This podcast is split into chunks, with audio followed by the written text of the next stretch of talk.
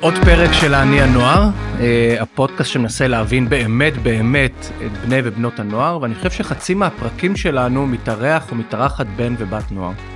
והיום אה, מתארח בן נוער, ואם אתם שואלים אותי, הוא היום אחד מבני הנוער הכי משפיעים בישראל. ואני יודע שזאת הגדרה נורא מבהילה, ואני אסביר לך גם למה, כי לא בטוח שאתה בכלל מגדיר את עצמך כזה. אני לא מגדיר את עצמי לא בטיקטוק, לא בכלום, בדיוק, אני לא מגדיר את עצמי ידעתי שאתה תבוא כמשהו של צנוע, אבל לצד כל כוכבי הרשת והכל, אני חושב שיש מעט מאוד אנשים, בני נוער, שפותחים וחושפים עד כדי כך את החיים שלהם.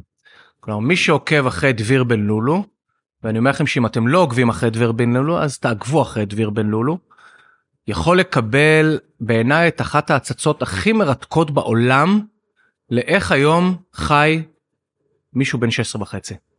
איך נראים החיים של מישהו בן 16 וחצי? אני חושב שאתה לא חוסך לא בטוב ולא ברע. כשאתה לא. בדיכאון אתה פותח את המצלמה, כשאתה בהיי אתה פותח מצלמה, כשאתה באימון אתה פותח מצלמה, כשאתה נכשל אתה פותח מצלמה, כשאתה נפרדת מהחבר... הכל קורה שם.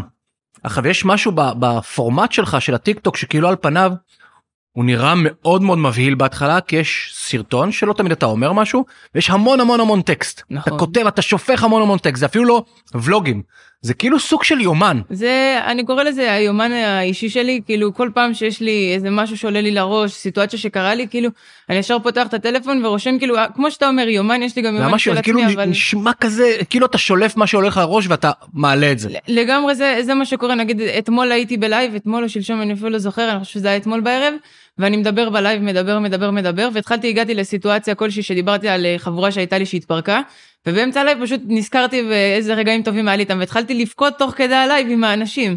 עכשיו נמצאים בלייב, היה בערך 500 איש, ואני בוכה בלייב ואני ממשיך לשתף כאילו את התחושות שלי, וזה כל הזמן מוזר לי שאני מצליח לשתף כאילו אלפי אנשים כל הזמן רואים את הסרטונים? שלי. יש לך כמעט 125 אלף רובם בני ובנות נוער נכון, שלא רק לא רק צופים במה שאתה עושה. אלא הם, הם באמת מגיבים אתה אחד האנשים שמגיבים אליו הכי הרבה כשאתה מבקש דברים שאתה מתייעץ עם דברים שאתה שואל שאלות הם כאילו מגיבים לך בצורה מאוד מאוד חזקה. אה, יש לי, אני יכול להגיד לך קשר אישי כזה עם המון המון עוקבים שלי, כאילו כל מי שאני אראה הודעה שהוא ישלח לי, זה כאילו קצת טירוף, אבל אני עונה לכולם, כאילו, זה מרגיש לי חשוב לא להיות סנוב כאילו לאנשים, לפתח גם שיחות, יש לי שיחות כאילו עם אנשים שבתור דתי, כאילו אנשים התייעצו איתי על איך לצאת מהארון, ילדים שרצו לצאת מהארון התייעצו איתי בתור בן אדם דתי, איך הם רוצים לצאת מהארון, ועזרתי להם וליוויתי אותם בתהליך, וילדות שהיו... לא יצאת מהארון בחיים שלך אתה בכלל לא גיי אני לא גיי, כאילו כן התייעצו איתך. והתייעצו איתי, כן. אז, אז בוא שנייה נבין נבין את התופעה הזאת כי בעיניי זה ממש אני, אני עוקב אחריך ובעיניי זו תופעה. אתה בן 16 וחצי אתה ירושלמי גר שם ליד גן החיות התנ"כי אמרת נכון. אתה ספורטאי אתה כן בנבחרת אתלטיקה נכון, ב- ב- נכון. אתה, אתה מתאמן המון אני רואה את הכל מהטיק טוק. אה, אתה תלמיד דרך אגב לא תלמיד הכי טוב נכון? אתה במב"ר או מה בכיתת מב"ר. יחידת מב"ר אני אומר את זה כי אתה אומר בעצמך אתה מדבר נכון. על זה.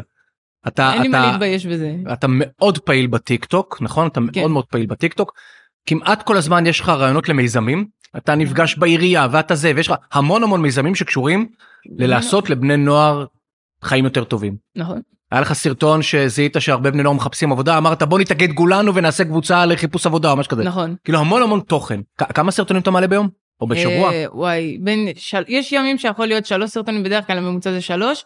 שם שגם זה יכול להגיע ל... יש לי כמה עמודים, יש לי שתי, שתי עמודים. שני עמודים אז היה תקופות שזה היה אה, גם 20 סרטונים. אתה מכונת ש- תוכן שתשע, זה כל פעם אבל זה תוכן שעולה לי לראש, כמו שאמרת זה יומן. אני עכשיו פותח, אני רואה איזה סיטואציה שקרה לי ברחוב ואני מסתכל עליה ואני כאילו אומר, למה אף אחד לא מדבר על זה? אז אני אעלה את זה. וכל מיזם הכל. שעולה לי, זה משהו שאני נתקל בו כבעיה, ואז אני אומר לעצמי, למה מישהו לא טיפל בבעיה הזאת? בוא נפתח את זה, אנחנו בני נוער, תמיד אני אומר, יש לי, אם אנחנו פה נלך אפילו 30 בני נוער ונעמוד מול, מחוץ לראש העיר, מחוץ ללשכה שלו ונצעק, בטוח יקשיבו לנו ויבואו וזה, וידברו למה איתנו. אתה בטוח מה? למה אתה בטוח בכוח? לא למה אתה בטוח שבאמת מה יש משהו בבני נוער שמקשיבים להם למה אתה בטוח של-30 בני נוער יש כוח מול ראש הממשלה. מאיפה הביטחון הזה? דבר שני, אנחנו יכולים לעשות המון רעש. כל רעש שרציתי כל לעשות, רעש. כל רעש שרציתי לעשות, גם אם זה הבגרויות, הגענו תוך, היה, איך קוראים לזה, טיולים שנתיים וזה. אה, וראיתי שכאילו אני היה לי אמור להיות לטיול שנתי, ואמרו, אה, דוחים את הטיולים שנתיים, רן ארז החליט לבטל את זה. אני אמרתי לעצמי, וואלה, לא, לא יצאתי לטיול שנתי כאילו כל כך הרבה זמן, לא יצאתי כמה שנים לטיול שנתי, והסתדר לי עם הזה של האימונים והתחרויות, שדווקא לטיול שנתי הזה יכלתי לבוא. אז ביאסו אותך נורא, כן. ביאס אותי פחד. ואמרתי כאילו, אוקיי, יש לי את הכוח ברשת, יש המון המון אנשים שיש להם את אותם סיטואציה כמוני שמתמודדים איתה, ושזה מתסכל. בואו נעשה עצומה, בואו נעשה משהו, נפתח קבוצות וואטסאפ, נעלה את זה לכל מקום, נצליח להגיע אליו. אז ו... דביר בן לולו מכיר את הכוח שלו, מבין את הכוח של הרשת, יודע לזהות בעיות ואומר אפשר לפתור אותם ביחד. כן? תיארתי נכון את מה שדביר בן לולו עושה? מה זה אפשר לפתור אותם ביחד? פותרים אותם ביחד. פותרים אותם ביחד, לא אפשר, אתה אומר, זה לא אפשר. אתה, אתה, אתה סוג של מאגד סדרתי. אתה מזהה איזה בעיה ואתה אומר, חבר'ה, בואו לכולם, אני לא לבד בבעיה הזאתי. בואו נתאגד ביחד, נפתור את הבעיה בזכות הרשת, בזכות הכוח שלנו. זהו, נגיד לפני שלוש ימים פתחתי קבוצות של אה, סיכומים לבגרות, ראיתי שאני נתקעתי בלי חומר, חצי מהשיעורים נרדמתי בכלל, אני קם בחמש וחצי בבוקר, נתקלתי בזה שכאילו וואלה אין לי חצי מהחומר ל- ללימודים אבל חצי מהחומר גם יש לי. ואמרתי אוקיי בוא נפתח קבוצה אני צריך סיכום לבגרויות יש עוד מלא אנשים אני אשתף את ההוא הוא ישתף אותי הוא ישתף אותו ביחד אנחנו נאגד את כל זה ביחד יהיה לנו חומר אינסופי ההוא מלמד את ההוא. פתחתי קבוצות יש לי בתוך שלוש ימים מעל 2500 אה, ילדים שנמצאים בקבוצה עכשיו זה קבוצות מפוצצות ככה פול אאוט ואתה רואה משהו מדהים שילדים ממש רושמים יש לי חומר לזה לזה לזה לזה ולזה מי שצריך אני עוזר לו שולחים אתה מבקש משהו דקה עשר, יש לך עשר אנשים שונים שולחים לך בפרטי. יש קבוצה שנגיד אתה לומד בזום, אני פתחתי, אמרתי איזה רעיון מגניב זה, אפשר גם לעשות שיעורים שאפשר ללמד אחד את השני בזום. אני עכשיו אה, נגיד אה, רוצה ללמוד איזה משהו מסוים היום, אז אני אומר אוקיי בשעה שמונה אני רוצה ללמוד ככה, אני פותח זום, מי שרוצה להיכנס הוא נכנס מפה, הוא מתל אביב, ההוא מגבעתיים, ההוא מחדרה, אתה מבין? כולם ביחד, ההוא יודע את החומר הזה טוב, ההוא יודע את החומר הזה טוב, ככה כולם ביחד, ההוא מלמד ההוא, ההוא מלמד ההוא, כולם לומדים ביחד אחד מהשני וזה מטורף. מי אתה? מי, וואי, שאלה אתה? גדולה, לא יודע להגיד. מי אתה? כאילו מאיפה אני... באת? מה, מי, מי אתה? כאילו באמת, מי אתה? דביר בן לולו, כאילו מה, מי אתה? אני ספורטאי לפני הכל, הדבר הכי חשוב לי, אני לא מפספס אימון בחיים, אני קם בחמש וחצי, בין חמש וחצי לשש, בבוקר כל יום לאימון בוקר, חוזר לבית בשבע שמונה, מתקלח, נוסע לבית ספר, תמיד אני מגיע באיחור לבית ספר. אה, יש לי אחרי זה עוד פעם אימון בצהריים משלוש עד שבע, שמונה בערב. ריצה, נכון, אתה רץ. זה נורא כן. מתאים לדיבור שלך כאילו אם היו אומרים לי באיזה ספורט הוא עושה הוא רץ. זהו אני מדבר מאוד מאוד מהר לא יודע כאילו הרשת בכללי אני אני הלכתי למקום של הרשת זה המקום היחידי שהצליחתי למצוא את עצמי כאילו מקום רציני אני בבית ספר נחשב ילד מאוד מאוד ציני כאילו כל הזמן ברשת רואים אותי רציני רציני רציני ובמציאות זה אני הכי הכי שונה אני 180 מעלות כאילו הפוך בגלל שכל הזמן הייתי ילד ציני מי שאני קטן וכאילו זה היה דרך בריחה שלי לא הייתי טוב בלימודים אז תמיד הייתי ילד המצחיק בכיתה. ונדבק לי כאילו הסטיגמה הזאת של אתה מטומטם, אתה מצחיק בכיתה, אתה ליצן, של מה, של מה לא... מטומטם?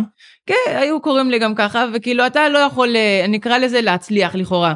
אז מורים לא בדיוק היו מקשיבים לך ואתה לא היית ככה, היה לי ממוצע כאילו עד לפני שנה, היה לי ממוצע של אולי 60 בלימודים, היום יש לי ממוצע של 90 פלוס. איך? אה, לימדתי ללמד את עצמי, הייתי מורים פרטיים שמלמדים איך ללמוד, ובסוף מצאתי את השיטה שהכי מתאימה לי, את האמת שאני לומד כאילו למבחנים חצי שעה היום, פעם הייתי לומד שבועיים ומקבל 60, היום כאילו זה קצת מצחיק שאני אלמד חצי שעה ואני יוצא ציון יותר טוב משאר הילדים בכיתה, כי מצאתי בסוף את הדרך שלי. קצת על המשפחה? כאילו, אתה נער דתי. נכון. אה, המשפחה יש לי... אה, סתם דבר איתי על העולם הדתי, כאילו, כאילו על פניו הייתי מצפה שת... לא, אולי בגלל הסטיגמות שלי, שתהיה חילוני, כאילו מה נער דתי עכשיו, אתה יודע. זהו, יש פותח טיק טוק והופך להיות כוכב טיק טוק. הרבה מדברים על זה, יש לי הגיל פה, היה לי גם עוד הגיל. נזם, יש לך נזם באף? כן, יש לי נזם באף, אה, שיער אה, מוזר, אני תומך בקהילה הגאה, אני עושה המון המון פרויקטים שהם בעיקר לעולם החילוני יותר, אני אקרא לזה, יש לי מיזם נגיד בירושלים שאני עושה הופעות, ויותר, זה יותר לבני נוער חילוניים. אבל uh, בסופו של יום אני חושב שדווקא זה המקום שמאחד אני יכול להגיד לך אישית במיוחד בגלל הריצה שאני שומר שבת ואני גם טס לתחרות בחו"ל וכל הדברים האלה שאני הייתי חוויה מאוד מאוד אישית שהייתה מטורפת לפי דעתי. הייתי במחנה אימונים באיטליה וכל האוכל שם היה חזיר. אני יושב בשולחן בשבת אני מביא את הקורנפלקס שלי עם הגרנולה לשולחן בחד פעמי וכל האנשים אה, שאיתי אוכלים חזיר כאילו לידי הזמינו מנות של חזיר. ואני עושה קידוש וכולם שרים איתי קידוש ביחד ואני מחלק לכולם קידוש ולחם אה, של המוציא וכולם שרים אה, שירי שבת ביחד ואני עם הכיפה ועם הסידור שלי ביד וכולם עם כאילו עם חזירים על הצלחת. חזיר, חזיר על הצלחת. וזה אחד הרגעים שלפי דעתי היו הכי יפים שהייתי בהם בחיים שלי שזה הראה כאילו את החיבור שזה לא משנה לי שאתה דתי אני חילוני כאילו זה לא אמור להיות הבדל בינינו כאילו זה לא אמור לשנות לי אז, ולא אז, אמור לשנות לך. אז אולי זה דביר בן לולו?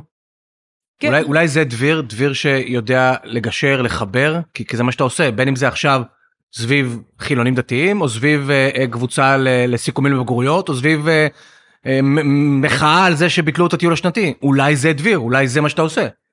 אה, אולי זאת המתנה שלך. נגיד כאילו שמאלנים, ימנים, אני לא נכנס לפוליטיקה, לא מעניין אותי אף פעם, כאילו כל הדברים האלה, תמיד אני אומר כאילו, מי שבן אדם טוב, הוא יישאר בן אדם טוב, זה לא אכפת לי מה הדעה הפוליטית שלו, בסופו של יום, אני ואתה, יהיה לנו ילדים בעזרת השם, הם יהיו בגן משחקים ביחד, אני ואתה נעמוד בתור בסופר ביחד, נלמד בבית ספר ביחד, אנחנו צריכים ללמוד להסתדר. אני לא מדבר אפילו על כל הנושאים האלה, כי זה לא רלוונטי. כן. בסופו של יום, כאילו, אני חושב, אישית, כל הזמן אומרים על היום על הפוליטיקה, פוליטיקה, פוליטיקה, הפוליטיקאים לא מדברים אליי, לא מדברים לבני נוער. מה הם בתכלס נתנו לי עד עכשיו? כלום.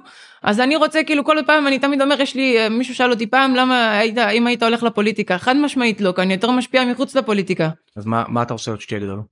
שאני אהיה גדול? לא יודע להגיד לך. יש לי הרבה חלומות להיות ספורטאי. החלום הכי גדול שלי זה להשפיע לטובה לשנות ה... השם של הרשת זה החלום שלי דבר ראשון לשנות את השם של הרשת למקום טוב יותר כאילו יש הרבה סטיגמות שהטיק טוק היום אתה בטוח מכיר את זה הטיק טוק זה מקום רע כל הילדים שם רעים זה מקום של הרבצות ולהעלות חרמות על ילדים והכי לא. וברגע שאני כאילו אני רואה ש-95% מהאנשים שאני רואה בטיק טוק הם אנשים מדהימים והם רוצים לשנות ולעשות ולהוריד את הסטיגמה הזאתי. כלומר, חשוב לך להראות את הצד האחר של בני הנוער. כן כלומר, בסוף זה לא, כל מה שרואים, הבריונות, הזה, זה לא הרוב, אתה אומר. זהו, ו- ואני יכול להגיד לך יותר על בריונות. אני כאילו לפני, אה, ממש בחופש הגדול עשיתי פרויקט, לא קראתי לזה ילד מוחרם. היום ילד מוחרם זה שם מאוד מאוד גדול שאף אחד לא מתייחס אליו. קראתי לזה, אה, תקבעו עם הילד השקט בכיתה, עם הילד החדש בכיתה, תנסו ליצור איתם קשרים. הם אנשים מדהימים, כאילו תצילו ילד מלא להיות לבד בהפסקות. ועשיתי את הסרטונים האלה, עשיתי ליין כזה של סרטונים, פעם בכמה ימים כזה, שזה דיבר קצת שונה. זה נכנס כאילו לכל אחד ללב, לא היית רוצה שאח שלך הקטן יישאר לבד אה, בבית ספר, אז לך דבר עם הילד הזה, אני מבטיח לך שתרוויח חבר לחיים, ואם לא, מקסימום הפסדת חמש דקות של שיחה טובה עם מישהו. דרך אז אתה אגב, מבין? מי שנכנס לעמוד טיקטוק שלך רואה שהמסר שם הוא לדבר עם סבא וסבתא. נכון. זה גם פרויקט מאוד מאוד גדול לדבר, שיש כל. הזמן לדבר, לדבר עם אחרים, לדבר. לדבר עם אנשים, להתקרב, להתקרב. זהו, אין- אין לי בושה לדבר עם אנשים, אה, להכיר. אין לך בושה, אבל כן אני רואה, שוב, ממה שאני רואה ברשת, כן. שזה כן גובה ממך מחיר. זה. כלומר, כן, כן אני רואה שהרשת יש בה גם משהו, דברים שלפעמים אתה מתפרק מול מצלמה, אתה, אתה בדיכאון, אתה ב, ב, בסוף גובה מחיר. זה גובה אה. מחיר מאוד מאוד גדול, נגיד בבית ספר, אני המקום שאני חושב שהכי הכי קשה לי בו זה בבית ספר דווקא. כי כשהייתי בהתחלה בטיק טוק לא היה לי, היה לי כאילו איזה ש- שבע- 700 צפיות, אולי הסרטון הכי גבוה שלי עד לפני שנה וחצי, וכל הזמן היו יורדים עליי וצוחקים עליי ומנסים כאילו לעקוץ אותי, וכל הזמן אמרתי אני עושה מה שעושה לי טוב, ובסופו של יום שכולם יקפצו לי. וזה כאילו משהו שהמשכתי איתו באג'נדה וזה כאילו היה מצחיק לראות שברגע שפתאום התחלת הסרטונים התחילו להיות שונים ופתאום יש לך צפיות ואנשים מכירים אותך אז פתאום איך כל היחס משתנה לאו אנשים שמאוד מתחנפים אליך או אנשים שכל הזמן מנסים לעקוץ אותך עוד יותר. מדהים, וזה מדהים. אז כאילו אתה אומר, בהתחלה אתה מתחיל. אתה מתחיל בדרך שלך, בין אם זה כיוצר תוכן, דרך אגב, סיפור שאני שומע אצל כל יוצרי התוכן. בהתחלה יורדים עליך, לא מבינים אותך, מנסים להוריד אותך. כן. יש איזה רגע שבו מבינים שאתה מצליח, ואז או שפתאום כולם רוצים להיות חלק מזה, רוצים להיות חברים שלך, או יש כאלו שמה שנקרא הופכים להיות האויבים הגדולים שלך. אני רואה את זה גם בבית ספר יש כאילו ילד אחד יש לי אותו עכשיו בראש ספציפית שכאילו מי שאני זוכר שהייתי בטיקטוק הוא כל הזמן כל פעם שהוא רואה אותי בבית ספר הוא מחפש לעקוץ אותי וכל פעם אני חושב שהגדולה תמיד זה לא לענות ואם לענות כאילו תמיד בחיוך כאילו כל פעם אני חושב שעניתי לו פעמיים בחיים שלי מתוך אני רואה אותו כמעט כל יום שהוא מנסה כאילו בכוונה הוא אפילו מגיע לכיתה שלי וזה לנסות להציק. אני למה הוא עושה את לו. אני לא, לא יודע להגיד לך אף פעם לא הצלחתי כל פעם שכאילו זה אמרתי עניתי לו פעם אחת אני חושב ב- בחיים ואמרתי לו כאילו הוא ניסה לרדת עליי אמרתי לו אוקיי עכשיו אתה מרגיש גבר ואז אה, הוא הוריד את הראש שלו כזה השפיל מבט וברח משם וכאילו לא היה לו מה להגיד כאילו הבין את עצמו אני חושב מה הדברים הכי קשים שחווית? שחוויתי. כן. חווית, יכול להיות שלא, יכול להיות שלא ש- חווית. שנה שעברה מה שדיברתי היה לי טיולים שהייתי עושה עכשיו כשעשיתי מה- את מה זה הטיולים אז הטיולים- מה זה טיולים שהיית עושה? הייתי יוצא לטיולים הזמן בית ספר לפעמים זה היה על חשבון שעות פרטיות לפעמים גם הייתי בורח קצת מבית ספר הייתי בתקופה די קשה נפטר אה, מי שהייתה המאמנת הראשונה שלי שליוותה אותי שלוש שנים עד כיתה ז' ובעצם אבל המשכנו לשמור על קשר כאילו אימנתי את הנבחרת של בית ספר של היסודי שלי והיינו בקשר מאוד מאוד קרוב אה, והיא נפטרה ובעצם זה היה פעם ראשונה שמישהו קרוב אליי נפטר וזה ריסק אותי לחלוטין מישהו שמאוד מאוד אה, כל הזמן אני רוצה להנציח אותה ולעשות בשבילה. אה, ובעצם אותו רגע היה כזה בום אחד שקיבלתי בחיים שהוא היה חזק. ואז היה לי גם אה, פציעה בספורט, קרס לי שתי הקרסולים והיה לי פציעה ארבע חודשים. לא יכלתי לחזור לרוץ בקושי ללכת וזה היה מתסכל בטירוף וכל בוקר קמתי לאימון בוקר וצהריים ופיזיותרפיה וקושי אדיר. ובנוסף לזה הייתי אני ומי שהיינו ביחד ופשוט יום אחד כזה משום מקום נפרדנו והייתי מאוד מאוד בדיכאון מזה גם. והייתי כאילו אוקיי אני נמצא הייתי באמת במצב אני חושב הכי אבוד בחיים שלי ואמרתי כאילו אני רוצה לחפש את עצמי הייתי במקום שכל הזמן שאלתי את עצמי מי אני מי אני מי אני מי אני.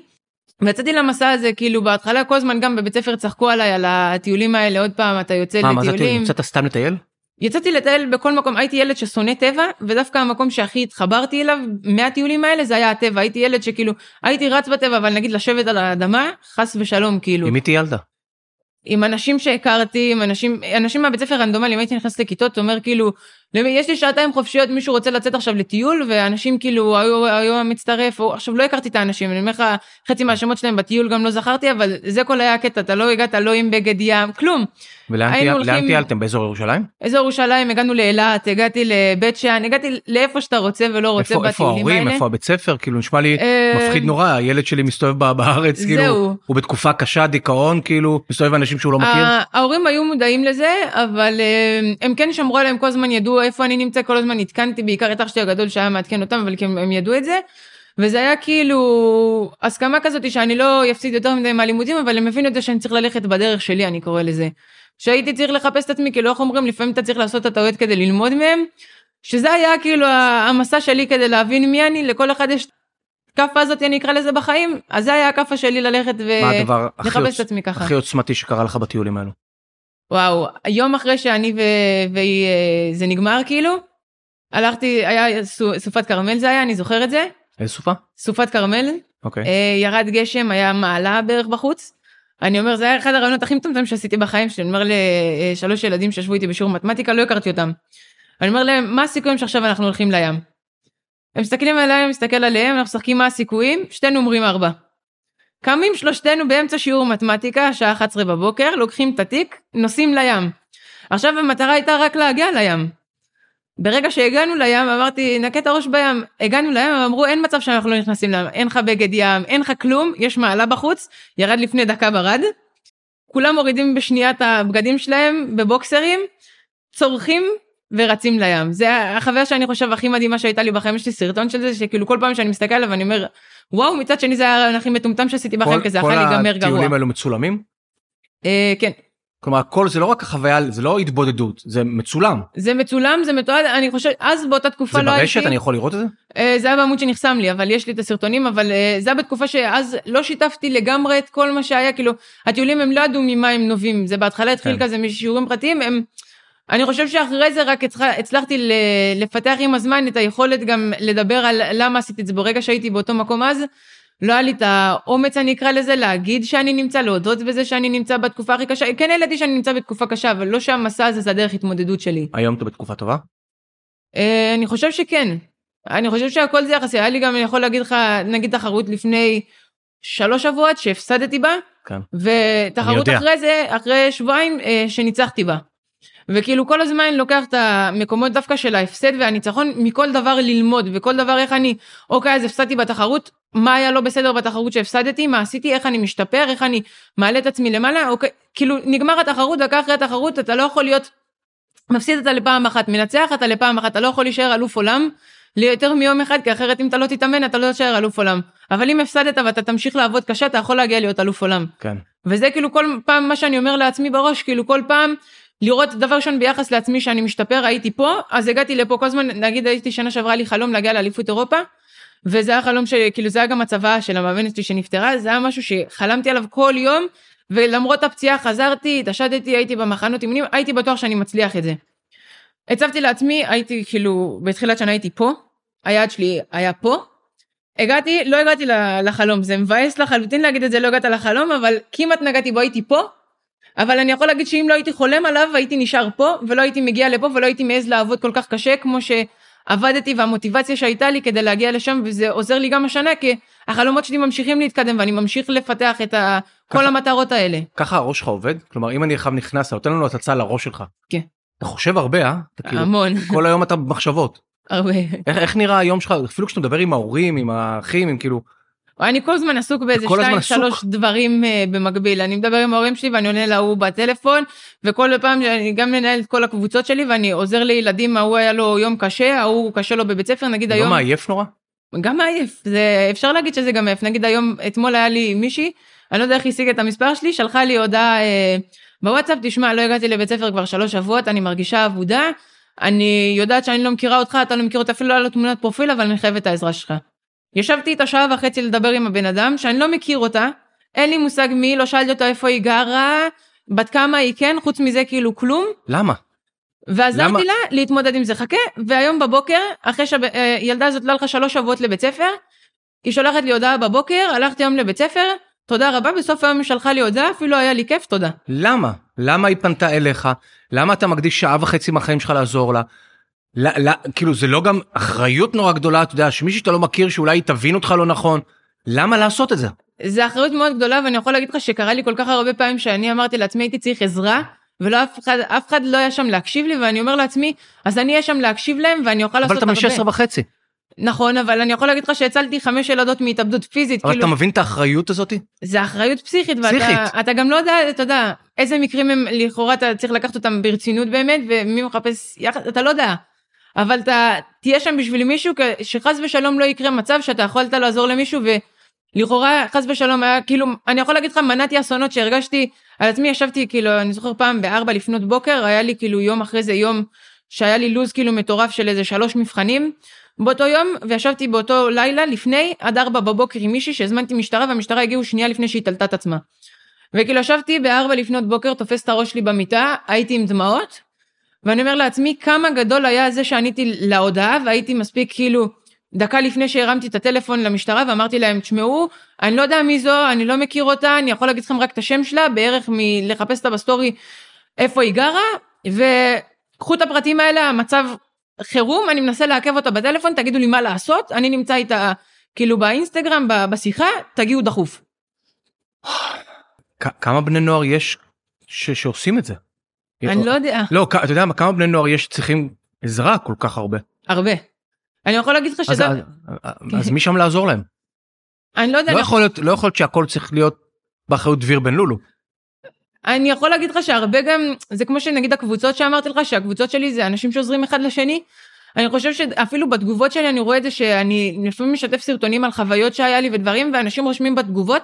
אני לפעמים אתה יודע אני מצליח לעבור על כל התגובות לפעמים לא ויש אנשים שהם מכירים כאילו את העמוד שלי והם עוברים על התגובות בעצמם והם רואים תגובה שהיא מצוקה ואומרים לי או מתריעים לי ואומרים לי תשמע זה משהו שנראה לי לא בסדר תשלח לו הודעה או שהם בעצמם שולחים להם הודעה אבל, אבל ו- זה, אבל מי, מטורף. מי, מי היום באמת אמור לעזור לבני ובנות נוער? מי האנשים שאמורים לעזור להם? אין לי תשובה, כי בבית ספר אני יכול להגיד לך שאני לא רואה כלום, אני ישבתי, הייתי, כאילו כל הפרויקט שלי גם בעיר שלי וכל זה, הגיעה לנו סגנית ראש העיר בירושלים, אני מאוד מאוד מעריך את האישה הזאת, כי אני עובד איתה המון והיא מאוד רוצה לעזור, היא פשוט לא ידעה איך לעזור, אמרתי לה, תשמעי, יש ילדים שהם בדיכאון, ילדים שמנסים להתאבד, היה מקרה התאבדות באותו שבוע של ילד כאילו מהגיל שלנו בירושלים, אמרתי לה, יש כל כך הרבה דברים שקורים פה, כאילו, למה אף אחד, שימו לב, כל המערכת חינוך פה, יש ילדים אבודים, מגיעים לבית ספר אבודים, אף אחד לא מקשיב, אף אחד לא יודע לפנות אליהם, אף אחד לא יודע לדבר אלינו. אמרתי לה, בואי, לי יש את הכלים לעזור, בהתחלה היא נפנפה אותי.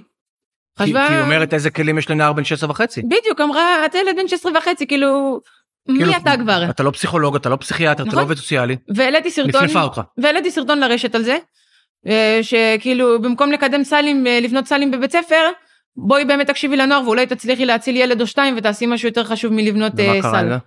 וקרה שהיא הרימה לי טלפון וקבענו פגישה עכשיו היא חשבה פגישה קבעה לי חצי שעה לפגישה חשבה סתם בסדר ילד חמוד בא לדבר איתה. עשיתי מצגות עשיתי סקרים של מאות אה, בני נוער שענו עליהם. הגעתי לה עם רעיונות עם פתרונות איך לקדם מה לעשות איך לעשות. היום אני נפגש איתה פעם בשבוע אנחנו מקדמים סגרנו אירוע בירושלים פעם כל יום חמישי מופע סטנדאפ או הופעה אה, ובבית ספר מיזם שאני עכשיו בעזרת השם רוצה לקדם זה להביא אנשים משפיעים בבני נוער שבתכלס מורים לא מדברים אלינו. אז להביא מישהו שכן מדבר איתך בגובה העיניים ויוכל כן לבוא ולהגיד לך, אוקיי, אתה נמצא במצב כזה, אז בוא אני אתן לך את הכלי התמודדות שאני הייתי איתם, וידבר איתך בגובה העיניים ואתה גם באמת תעז לשאול אותו שאלות שמעניינות אותך ושחשובות לך כדי להגיד, ולא למורק, אתה יודע שהוא ישפוט אותך או יתקשר ליועצת שיתקשרו להורים שלך ויגידו, יש לכם ילד דפוק. אני לוקח, אני לוקח נשימה כי, כי אני רוצה שגם אתה תיקח נשימה, אתה יודע, זה כאילו ה... ה... קשה להיות היום בן נוער, אה? קשה. אני יכול להגיד לך, לא סופרים אותנו, כאילו... לא יכול להיות שלא סופרים, הנה, סופרים כאן אנחנו אבל כוח. וזה תמיד מה שאני אומר, ברגע שאתה תהיה בן אדם אחד, הסיכוי שיספרו אותך פה. זה מה קטן. שהבנת. הבנת כשאתה לבד, אין לך כוח. אין לך כוח, כש, כשאתה ביחד, אבל כשאתה מבין שאני היום, גם כשאני מקדם דברים, אז כל הזמן יש ילדים שרוצים לקדם גם דברים, והם פונים אליי, אומרים לי, אתה היום יכול לשנות את ה... נכון. נגיד, אתמול אני רציתי גם לעשות משהו של תחבורה ציבורית, והעליתי על זה ברשת. מישהי אמרה לי, תשמע, אני איתך באש ובמים בזה, יש לי עוד, גייסתי עוד עשר חבר'ה שהיא גייסה בעצמה. לדבר הזה אני פותחת קבוצת וואטסאפ, זה היה כאילו אתמול, אנחנו מתקשרים אליך, קובעים פגישה השבוע, מתקשרים, אנחנו מריצים את זה, יש שר חדש, אנחנו מטמטמים אותו, אנחנו מוציאים אה, יותר קווי אוטובוס, יותר קווי לילה, עושים דברים כאילו. מה ההישג הכי גדול שלך? זאת אומרת, זה הישג. ההישג הכי גדול שלי. זה אני חושב, הצלחתי. אני חושב שעכשיו בירושלים, זה שהצלחתי אה, לקדם. לבני נוער, דבר ראשון, במחיר שהוא לכל כיס, כי אני רואה הרבה ילדים שגם לא יכולים להרשות לעצמם, כאילו את המקום הזה של לשלם 100 שקל עכשיו ויותר ליציאה. דבר שני, כל היציאות היום שכאילו בעיר זה או ללכת לשוק או לעיר. מה יש בשוק ובעיר? סמים ואלכוהול. לא כל הילדים הם אוהבים סמים ואלכוהול ולא כל הילדים רוצים להיות במקום הזה. כמה? ו- כמה כן רוצים? כמה כן רוצים? כמה היום מהבני נוער בסמים ואלכוהול שמוצאים שזה עדיין נחמה, שזה הפתרון שלהם. אני חושב שהרבה נופלים לזה מאין ברירה, אתה? מבין? אני חושב 70 אחוז מ... אני אלך לכיתה שלי, אני חושב שאני אני בחיים שלי לא שתיתי ולא עישנתי, אבל כאילו בגלל שאני בספורט, אני יכול להגיד לך שאני יודע שאם לא הייתי בספורט, כנראה שהלחץ חברתי גם היה משפיע עליי כנראה, אני, אני אומר את זה בגלוי לגמרי. ואני יכול לראות שבערך 70 אחוז מהילדים שותים באופן קבוע ובחמישי בערב שהם יוצאים, אז הם או קובעים בפארק או בבית של מישהו שיש לו בית ריק ומשתכרים למוות, וכאילו, עצוב שאני מדבר עם חברים שלי ואומרים לי וואלה אני לא יכול לצאת למסיבה וליהנות אם אני לא שותה. הם בני 16. הם בני 16. וזה כאילו משהו שתפסתי את הראש שלי ואמרתי כאילו זה לא אמור להיות ככה כאילו אנחנו בני 16 סבבה שתשתה אבל שלא תתמכר לזה כאילו אני אף פעם לא אשפוט בן אדם על מה שהוא עושה אני לא יודע למה הוא צריך את הדבר הזה אבל אני חושב שאנחנו עדיין בני 16 וכאילו אני חושב שאנחנו צריכים את המקום הזה גם שיהיה מקום בילוי כאילו נורמלי ולא מקום שאתה יודע זה פשוט נגרר לשם כאילו אתה מכיר זה חבר של החבר ההוא שנה מעליך התחיל שנה מעליך הוא, מציע לך שוט ואז אתה שותה שוט ואז חודש אחרי אתה שותה שתי שוטים אחרי חודש אתה מתחיל לשתות אחרי שנה אתה אומר טוב הוא הציע לי סיגריה. מה אני לא אשן איתו סיגריה אחת? סיגריה תן לי סיגריה תן לי. תוך שנה הוא מעשן גם פסיבי זה עובד אחד אחרי השני ככה זה עובד. ואותו דבר סמים. ואותו דבר סמים. מה הפתרון? לבני נוער? כן, נגיד שעכשיו אנחנו עוד מצליחים לסיים, אתה יודע, אני, אני יכול לדבר איתך שעות, אבל מה הפתרון? אם אתה עכשיו סתם בעיניים שלך, אתה מספר פה, אתה מתאר פה באמת איזושהי סיטואציה מאוד מאוד קשה שהמערכות שאמורות להגן על בני נוער, אתה יודע, בטח מערכת החינוך, העיריות והכל, הם לא שם. אתה יודע, ואז נער בן 16 וחצי מציל נערה אחרת מהתאבדות, כנראה מישהו לא שם. נכון. איפה העמותות, איפה הארגונים, מה, מה הפתרון, מה, איך אתה רואה את ה... אה, אני חושב שהם פשוט לא מדברים את השפה שלי כאילו אני ראיתי יש אצלנו איזה מרכז בירושלים אף אחד בחיים שכאילו כל התגובות שהיו לי במיזם שאני עושה בעצם אנחנו חייבים מקום לשבת בו אפילו בערב ב- בחמישי מקום שיהיה לנו לשבת בו מקורה מקום שיהיה לנו לצאת אליו כאילו מחפשים כל הזמן תעסוקה אנשים לא רוצים זה מילת ברירה הם נמצאים שם בחוץ ואנשים שנמצאים בכל המרכזים האלה שלכאורה אמורים לעזור להם הם לא מדברים את השפה שלהם נמצאים שם איזה סבתא יוכבת שיושבת שם לא יודע, מורה לשעבר, וואטאבר, היא לא מדברת את השפה שלנו, היא בת 40, היא בת 50, היא לא מבינה את העולם שלי, אני לא מבין את העולם שלה. היא חושבת שהיא עושה דברים טובים, היא מנסה באמת לעשות דברים טובים, אבל אני לא מצליח להבין אותה, כאילו, מה את רוצה ממני? וזה כאילו מה שאני חושב שהוא הכישלון, נוער צריך לנהל נוער, זה לא עובד אחרת. הבנתי. אה, אני חושב ש- אני חושב שאתה מעלה פה דיון מאוד מאוד חשוב אתה יודע המקום הזה של נוער מנהל נוער נוער עובד עם נוער מה תפקידו בכלל של המבוגר היום בעולם הזה ואני אומר את זה כמישהו מבוגר אתה מדבר על בני 40 50 אני בן 48 ואתה אומר מה תפקידו של המבוגר בחיים היום של בני נוער זה יכול להיות המורה זה יכול להיות ההורה זה יכול להיות כל אחד שבאמת בא ממקום טוב רוצה להיות חלק רוצה אני שומע את מה שאתה מתאר וגם הקהילה שהקמנו בנתיקים היא מקום אמיתי נכון. לתת לבני נוער מקום להשפיע. והשאלה אם יש מקום בכלל למבוגרים בעולם שאתה רואה או שאתה אומר חברים תעזבו אותנו מבוגרים. אנחנו רוצים לעבוד אחד עם השני, אנחנו רוצים, כמו שאתה אומר, לאגד בני נוער יחד, תנו לנו לטפל בעניינים. אני חושבת דווקא תמיד אני אומרת, אתה אומר מורים וזה, אני יושב תמיד, כל ה... גם בטיולים, אני יושב תמיד עם האנשים לכאורה שלא מוכרים אותם, כל האנשים השקופים, אני יושבת לדבר עם המנקה שלי בבית ספר ועם השומר, ואני מדבר כאילו עם הסדרנית ברכבת, ישבתי לדבר. וכאילו זה אנשים שאתה בחיים ביום יום שלך לא יצא לך לדבר איתם, ודווקא מהם, בגלל שהם פרקטיים. ההוא לא מדבר איתי פלצנות וזה, גם ההורים שלי, אבא שלי היה בצבא, לא הילד שבכלל בבית ספר וזה. אבא שלי מדבר איתי כמו חבר שלי, אתה צריך לסיים בגרות, כי, אין מה לעשות, כי אתה חייב בגרות, אבל הוא גם מבין את העולם שלי, שאם אני מבריז משיעור או שתיים, אז בסדר, כי אני צריך גם את המנוחה, ואני לא תמיד יכול להיות בראש שם. ויש לי מורה אישית שאני בכיתה ז'-ח' שהציל אותי ונלחם, ואני מעריך את הבן אדם הזה בטירוף, אני בקשר איתו עד היום. שהוא לא ויתר לי, הייתי בלימודים כאילו במקום שעוד שנייה רצו לזרוק אותי בבית ספר, כאילו בית ספר מקצועי, אמרו לי על הפנים, כאילו אין לך מה לעשות פה.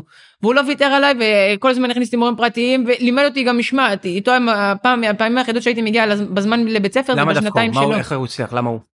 הוא יודע דבר ראשון לדבר איתי בגובה העיניים, לא לשפוט אותי, הוא לא שפט אותי, הוא לא בא בתור מורה של אתה עשית משהו לא בסדר אז אני אדפוק אותך.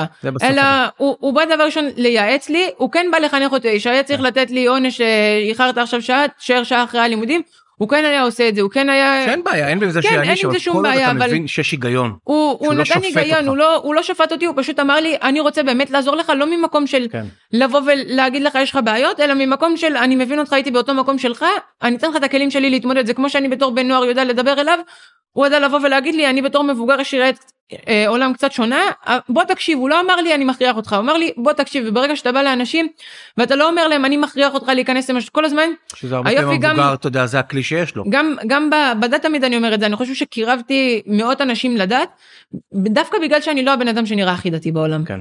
דווקא בגלל שאני יכול לדבר איתו ואני יכול להגיד לו וואלה אחי באמת קשה לשמור שבת. יש בזה ניסיונות, יש בזה כן. זה, אני יכול להבין את כל העולמות, כי אני חי בעולם הדתי ואני חי בעולם החילוני ואני בספורט ואני אני כאילו בכל מקום כמעט, שאני יכול להבין את העולמות שלך ואת השפה שלך כן. ולמה יש לך קשיים. ועם זה אנחנו עם זה אנחנו צריכים לסיים ואני חושב שזה הכוח שלך ובסוף אתה אומר איך פתאום יש מלא מלא בני ובנות נוער שמעלים סרטוני טיק רוצים להשפיע ובסוף אתה אומר למה דווקא הוא. אני לא חושב, אני תמיד אמרתי לך, אני לא מגדיר את עצמי חס ושלום, אני תמיד אף פעם לא הגדרתי את עצמי לא כמישהו שהוא כוכב רשת ולא משפיען, אני תמיד אומר, אני פשוט מדבר עם אנשים בגובה העיניים, ובגלל זה הקהל שלי הוא קהל שבאמת אני מכיר אותו והוא מכיר אותי אישית. למה? כי דבר ראשון אני פותח בפניו הכל, דבר שני, הם גם משתפים אותי בהכל. בשביל זה אני פה, כדי להגיד שאתה אחד הבני נוער המשפיעים היום בישראל. אני לא רוצה שאתה תגיד את זה, כי אני, אני מאמין לך, שאתה פשוט מדבר חופשי כמו שאתה מדבר פה, היה פה חצי שעה סופר אינטנסיבית אתה יודע הנה אפילו פערים אתה יודע אני כמבוגר אתה כבן נוער הקצב שבו אתה מדבר ואני מאמין שהרבה מבוגרים שלך שינסו להקשיב לשיחה היום יהיה להם קשה יהיה להם קשה יהיה להם קשה ויכול להיות שהם יתייאשו ואני אומר להם חבר'ה אל תתייאשו בשיחה הזאתי. יהיה להם קשה לעקוב אחרי הטיק טוק שלך כי לקרוא את כל המלל הזה. זהו זה ואני אני אומר לך אני עובד קשה כדי לקרוא את, את, את מה שאתה כותב בטיק טוק זה מאמץ בשבילי. כמו שהרבה מבוגרים יהיה להם מאמץ להקשיב לשיחה הזאת היום. זה פערים שבסוף אתה יודע אתה עושה גישור נהדר עם בני נוער אחרים אני אומר לך זאת משימה אדירה בשבילך גם לעשות גישור לעולם של המבוגרים יש לך מסרים חשובים נורא שאתה צריך להעביר אותם למבוגרים אל תמדר את המבוגרים להגיד להם לא חבר'ה אתם לא מבינים. אני לא ממדר אני דווקא בגלל שתמיד הם דווקא בגלל שהם הבינו שאני נגיד שאני באמת רציני כאילו עם כל האנשים המבוגרים שאני עובד אני עובד עם אנשים שמאוד מאוד בכירים וחשובים בזה אני שבוע הבא אני נואם בכנס מאוד גדול של משרד החינוך הם הזמינו אותי לכנס כי הם הבינו את זה שיש לי שאני מבין את הבני נוער. מעולה. אבל... הם גם, אני גם מדבר איתם, אני אומר להם כאילו פרקטית גם מה יעבוד ומה לא יעבוד, אבל גם אני מקשיב למה שהם אומרים ומכוון אותם כאילו גם בדברים שהם, כי בסופו של יום הם מחליטי ההחלטות. כן. אז, אז זה המסר בסוף. עושה סבתא יוכבת שאמרת מקודם, כן. דווקא אני אומר יש לך אחריות לבוא ולתת לה את הכלים כי היא בעמדה חשובה. נכון. היא פוגשת הרבה בני נוער. בוא תעזור לה להיות רלוונטית. ו- וזה מה שעשיתי. בוא תעזור למבוגרים להיות רלוונטיים. זה, זה מה שאני חושב שעשיתי אישית בירושלים. מדהים. החלום שלי זה לעשות את זה בעוד מקומות. תמיד אני אומר אני פה לעזור אני לא לא במועצת לא של העיר לא של אני יודע, כלום. אתה לא במועצות אתה לא זה אני אתה... לא כלום אני פרטי וזה מה שאני חושב שהיופי. כן. אז אני פה לעזור לך. אני מאוד שמח שהדרכים שלנו מה שנקרא הצטלבו ואני מאמין שאנחנו עוד נעשה הרבה דברים יפים וגדולים ביחד ויש לנו כבר רעיונות לדברים אה, זה. שנוציא אותם אני מבוגר אתה בנוער ודווקא אני חושב שהיכולת שלך לגשר יכולה להביא פה דברים מאוד מאוד אה, יפים. אז דביר היה לי תענוג לדבר איתך גם לי איתך לשמוע אותך להקשיב לך אה, ובשבילי אתה כן מודל לחיקוי להשראה שאפו על מה שאתה עושה. תודה רבה. זהו, אז מי שרוצה לראות את דביר אז יכול לראות גם בפודקאסט אה, אה, ביוטיוב שלנו של טינק וגם בספוטיפיי יש היום אפשרות לראות וידאו אז זה מגניב ומי שרוצה להקשיב יכול כל מקום אפשרי בספוטיפיי ובאפל פודקאסט אנחנו בכל מקום. וכמובן יושב פה דביר ואני לא מזכיר את זה אבל גם בטיק טוק אנחנו בטיק טוק ואנחנו בפודקאסט לעני הנוער בטיק טוק. דביר יקירי תודה רבה לך על החצי שעה הזאת. תודה רבה יניב. אז תודה רבה שהייתם איתי, ואתם כמובן מוזמנים להמשיך ולעקוב אחרי הפודקאסט לעני הנוער בכל הפלטפורמות האפשריות, ולעקוב אחריי בפייסבוק, באינסטגרם או בלינקדאין. תודה.